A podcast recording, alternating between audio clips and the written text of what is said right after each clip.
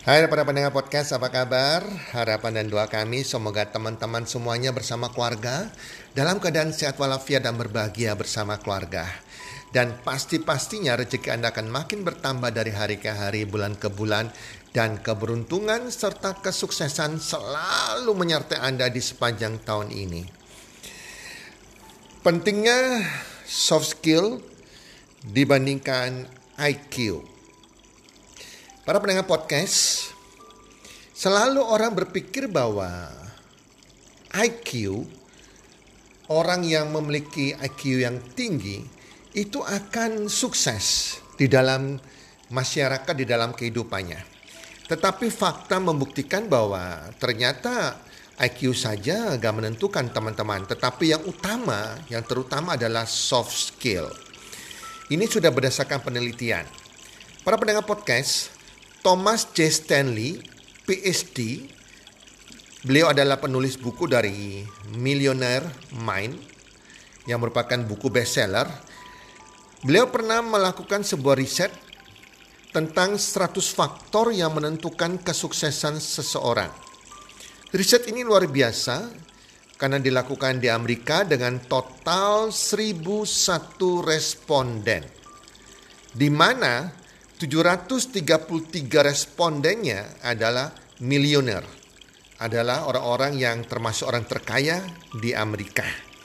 Dan ternyata dari hasil riset tersebut membuktikan bahwa memiliki IQ yang tinggi atau superior IQ di sekolah maupun Anda bersekolah favorit, IQ Anda juga tinggi, Anda juga cerdas di sekolah favorit Anda, bahkan di perguruan tinggi yang bergengsi, ternyata bukan itu yang membuat seseorang itu sukses. Dalam penelitian beliau, ada 10 faktor utama yang menentukan kesuksesan seseorang. 10 faktor utama yang terpenting dan IQ tidak termasuk di dalamnya. Nah, para pendengar podcast, sekarang kita akan berbincang-bincang, saya akan sharing tentang 10 faktor penentu utama kesuksesan. Ternyata semuanya adalah soft skill. Di mana 10 hal tersebut adalah yang pertama adalah Kejujuran. Being honest with all people. Sikap jujur menjadi norma yang harus dipegang teguh oleh setiap individu. Kejujuran ini adalah akar kepercayaan. Kejujuran ini mahal harganya teman-teman. Kejujuran ini juga membuat seseorang yang tidak jujur akan jatuh dan hancur hidupnya. Kejujuran ini membuat seseorang dipercaya dipercaya akan sebuah tanggung jawab, dipercaya untuk kerjasama, dan dipercaya berhak menikmati imbalan yang dia bisa peroleh. Kejujuran ini yang membuat seseorang itu bernilai juga di mata Tuhan. Di dunia kerja ataupun dalam bisnis semakin dipercaya oleh atasan atau klien Anda, maka peluang untuk meniti karir atau mengembangkan bisnis Anda akan terbuka lebar dan kesuksesan akan menghampiri Anda. Tetapi Anda membangun sebuah karir, sebuah pekerjaan, sebuah bisnis, Anda menjadi orang yang tidak jujur dan tidak bisa dipercaya oleh banyak orang, maka di situ kancuran Anda, teman-teman. Walaupun IQ Anda tinggi, IQ yang tinggi, IQ yang superior tidak menjamin dia memiliki karakter kejujuran. Yang kedua adalah disiplin kerja.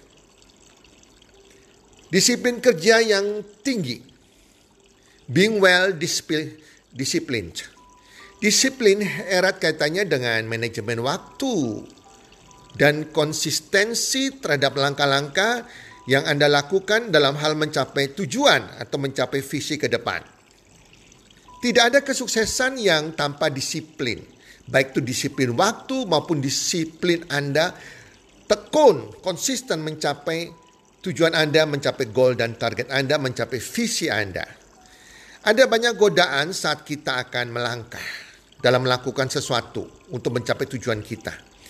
Terkadang lingkungan sekitar kita menjadi sumber yang mengalihkan fokus terhadap langkah-langkah yang ingin kita wujudkan untuk mencapai tujuan kita atau visi kita. Nah, teman-teman pendengar podcast, dengan menanamkan sikap disiplin ini, maka setiap langkah kita, kita akan menjadi orang yang fokus dalam mencapai target. Perlahan dan pasti, target yang selalu ditetapkan akan mengantarkan pada pencapaian sukses yang ingin kita raih. Kalau kita bisa disiplin. Kalau Anda disiplin, Anda pasti fokus pada target Anda, pada visi Anda. Yang ketiga, mudah bergaul. Getting along with people.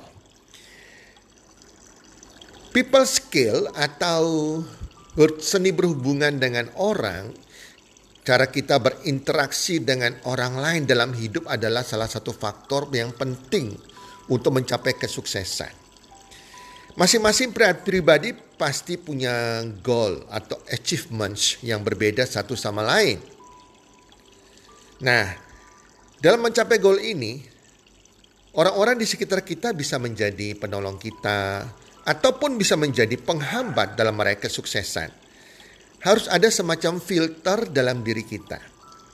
Jangan sampai kita terpengaruh negatif sehingga menghambat langkah mencapai tujuan kita. Perbanyak berhubungan dengan orang, perbanyak networking Anda. Ini akan memperkaya ide Anda, ada banyak masukan ke dalam pikiran Anda, dan bukan tidak mungkin terjalin banyak kerjasama yang akan mendukung meraih sukses. Jadi jika Anda punya kelemahan, Anda orang penyendiri, gak mudah bergaul, Anda kaku dalam pergaulan, kurang teman, hati-hati. Itu ciri-cirinya orang yang tidak mungkin bisa sukses. Kabar baiknya, Anda harus sadari dan berubah.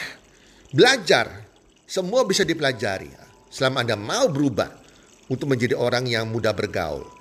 Tetapi jangan sembarang bergaul juga. Bergaul dengan orang-orang yang punya karakter yang baik, lingkungan yang baik, orang-orang yang positif. Bergaul dengan coach, mentor, orang-orang bisa mementori Anda, teman-teman. Yang keempat, dukungan pendamping having a supportive spouse. Dukungan yang sangat berarti adalah dukungan yang berasal dari orang terdekat kita.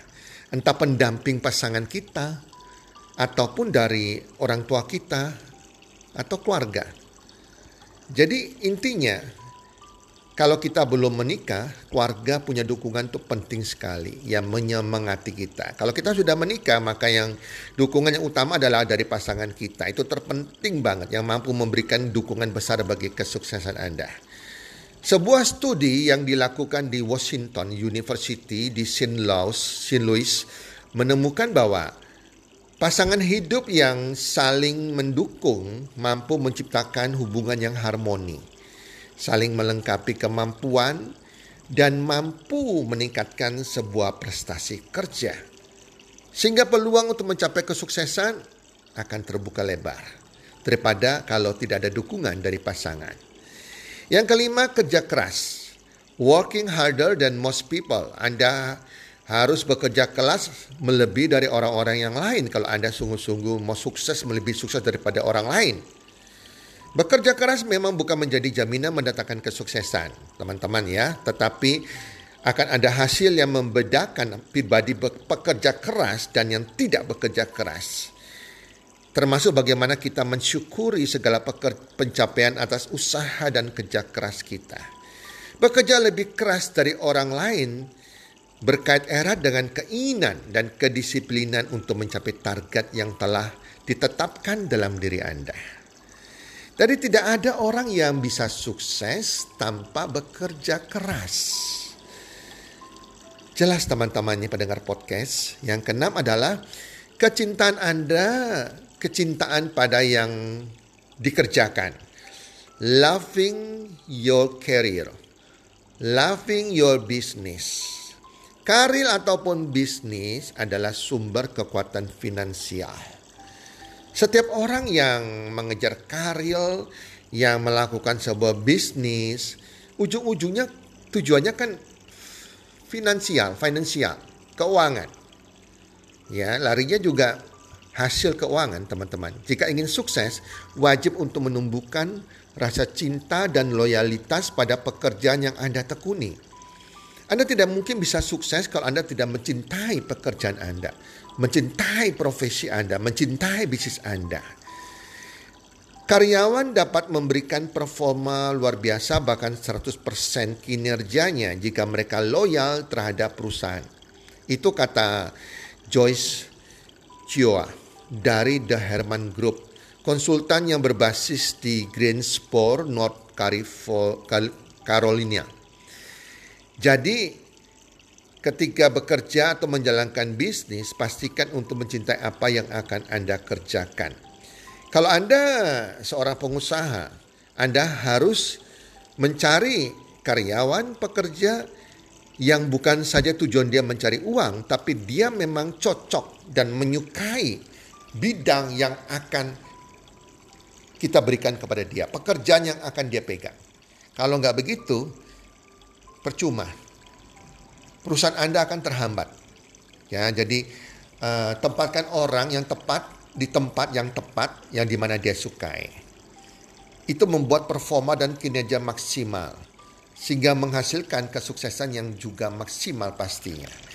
Dalam dunia bisnis juga sama. Jangan masuk sebuah bisnis yang Anda tidak sukai. Tetapi berusaha menyukai bisnis tersebut. Kalau Anda tidak suka karena bisnis ini punya potensi, Anda berusaha mencintai, menyukai, dan akhirnya kalau Anda sudah menyukai, mencintai, menjadi bagian dari kehidupan Anda, maka kesuksesan tinggal selangkah di depan Anda dan mudah diraih. Yang ketujuh, kepemimpinan. Having strong leadership qualities. Faktanya tonggak sebuah kesuksesan memang dipengaruhi oleh kualitas kepemimpinan yang baik, termasuk bagaimana memimpin diri sendiri. Kepemimpinan dimulai daripada start dari diri Anda sendiri. Bagaimana Anda bisa memimpin diri Anda sendiri? Jangan bermimpi menjadi pemimpin yang memimpin orang banyak, orang lain kalau Anda tidak bisa memimpin diri sendiri. Anda tidak bisa disiplin. Misal contohnya disiplin waktu. Kalau Anda sering terlambat, menunda-nunda pekerjaan, tidak menghargai waktu, bagaimana Anda bisa memimpin orang lain? Berarti Anda tidak bisa memimpin diri Anda sendiri. Anda orang yang malas. Bagaimana menjadi pemimpin ya? Suka menunda pekerjaan. Wow, itu parah banget. Jadi setiap orang itu pasti memiliki jiwa leadership. Tergantung bagaimana memupuk dan menjadikannya mengakar pada setiap individu. Seseorang yang memiliki kualitas kepemimpinan yang baik dan kuat akan lebih mudah menentukan visi, dia lebih mudah mencapai tujuan, dan tindakannya terstruktur yang sangat bisa dipertanggungjawabkan. Kualitas kepemimpinan yang baik dalam diri seseorang, ia mampu memandunya untuk menghasilkan sebuah pemikiran dan perilaku yang akan menjadi habit dalam kesehariannya. Kedelapan, kepribadian kompetitif. Having a very competitive spirit atau personality. Pribadi yang kompetitif pantang menyerah. Ini yang luar biasa. Orang yang sukses, orang yang siap berkompetisi dia nggak mudah menyerah. Terutama dalam mengalahkan egonya dan kekurangan dirinya. Banyak orang sebelum mencapai target-target dalam bidang pekerjaannya, dia lupa. Dia belum mencapai target dalam hal memperbaiki kekurangan dirinya. Itu harus diperbaiki duluan para pendengar podcast. Karena kita lihat kita berkompetisi dalam hidup ini itu terutama dalam kepribadian teman-teman. Bukan hanya dengan target-target goal kita. Setiap orang akan berkompetisi dengan memiliki karakter yang baik, pribadi yang baik. Tidak menjadi orang egois. Itu kita harus sadari dan kita perbaiki diri kita dari hari ke hari. Memiliki jiwa pembelajar, jiwa yang mau belajar, jiwa yang mau diajari Nah, bagi pribadi yang seperti ini yang memiliki jiwa pembelajaran ini, kompetisi mampu mendorongnya untuk melakukan segala sesuatu dengan lebih baik dalam mencapai target. Tiap target dan pencapaian yang diraih merupakan anak tangga menuju pintu kesuksesan. Semakin sering memacu diri untuk berkompetisi dan mencapai hasil terbaik, maka kesuksesan akan semakin cepat diraih. Yang sembilan hidup teratur. Being very well organized. Hidup teratur bukan berarti hidup dengan rutinitas membosankan ya teman-teman. Beberapa rutinitas seperti bangun pagi lebih awal misalnya. Nah ini ciri-ciri hidup teratur akan memberikan waktu lebih untuk Anda menyiapkan diri menjalani hari ini. Di samping itu membuat jurnal dan daftar rencana kerja, daftar apa yang mau dicapai, yang akan dilakukan, itu membantu Anda fokus pada tiap langkah mencapai kesuksesan Anda. Dan yang tak boleh terlewatkan adalah menjalaninya dengan fun ya teman-teman. Ya, jadi belajar hidup teratur, terutama bangun pagi lebih awal. Anda punya waktu banyak untuk Anda menyiapkan pekerjaan Anda hari ini. Anda punya waktu dengan Tuhan berdoa, Anda berolahraga teman-teman ya, untuk kesegaran Anda fisik Anda sepanjang hari ini. Yang ke-10, kemampuan menjual ide. Having an ability to sell your ideas or your products. Kesuksesan tak bisa lepas dari sebuah ide dan ide-ide yang bermunculan dan inovasi tentunya. Setidaknya Anda bisa meneladani bagaimana Colonel Sanders menjual ide 100 eh sorry 11 rempah rahasia Kentucky Fried Chicken dan inovasi Steve Jobs untuk sentuhan artistiknya pada produk Apple. Memiliki ide saja tidak cukup tanpa diimbangi kemampuan untuk menjualnya. Menghasilkan inovasi dari sebuah ide yang cemerlang harus diikuti dengan kemauan juga untuk hidup di dalam ide itu sendiri dan mampu menjual ide tersebut. Kemauan keras untuk menciptakan sebuah merek yang terkenal hidup dalam merek itu Anda menjadi branding personality Anda, Anda diri Anda jadi merek ya, dapat dipercaya dan produk Anda akan mewakili dari diri Anda sebagai wujud sebuah ide. Nah, ini akan memudahkan Anda untuk melakukan branding atas ide yang dihasilkan, teman-teman. Nah, jadi itu adalah soft skill. 10 uh, soft skill yang sangat dibutuhkan untuk sukses dari hasil penelitian, hasil survei dari Thomas J. Stanley PhD, penulis buku Millionaire Mind. Dari 1001 responden teman-teman ya. Oke teman-teman, semoga materi kali ini bisa memberkati Anda semua dan Anda melakukan dalam kehidupan Anda dan kesuksesan pasti menjadi milik Anda. Salam sukses. One, two, three.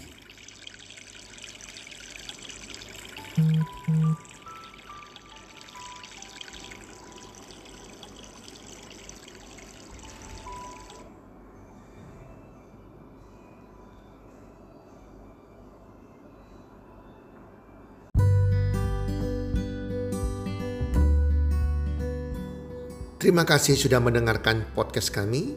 Teman, jika Anda rasa bermanfaat podcast kami ini, Anda bisa menginfokan kepada rekan kerja Anda, keluarga Anda, teman ataupun sahabat Anda.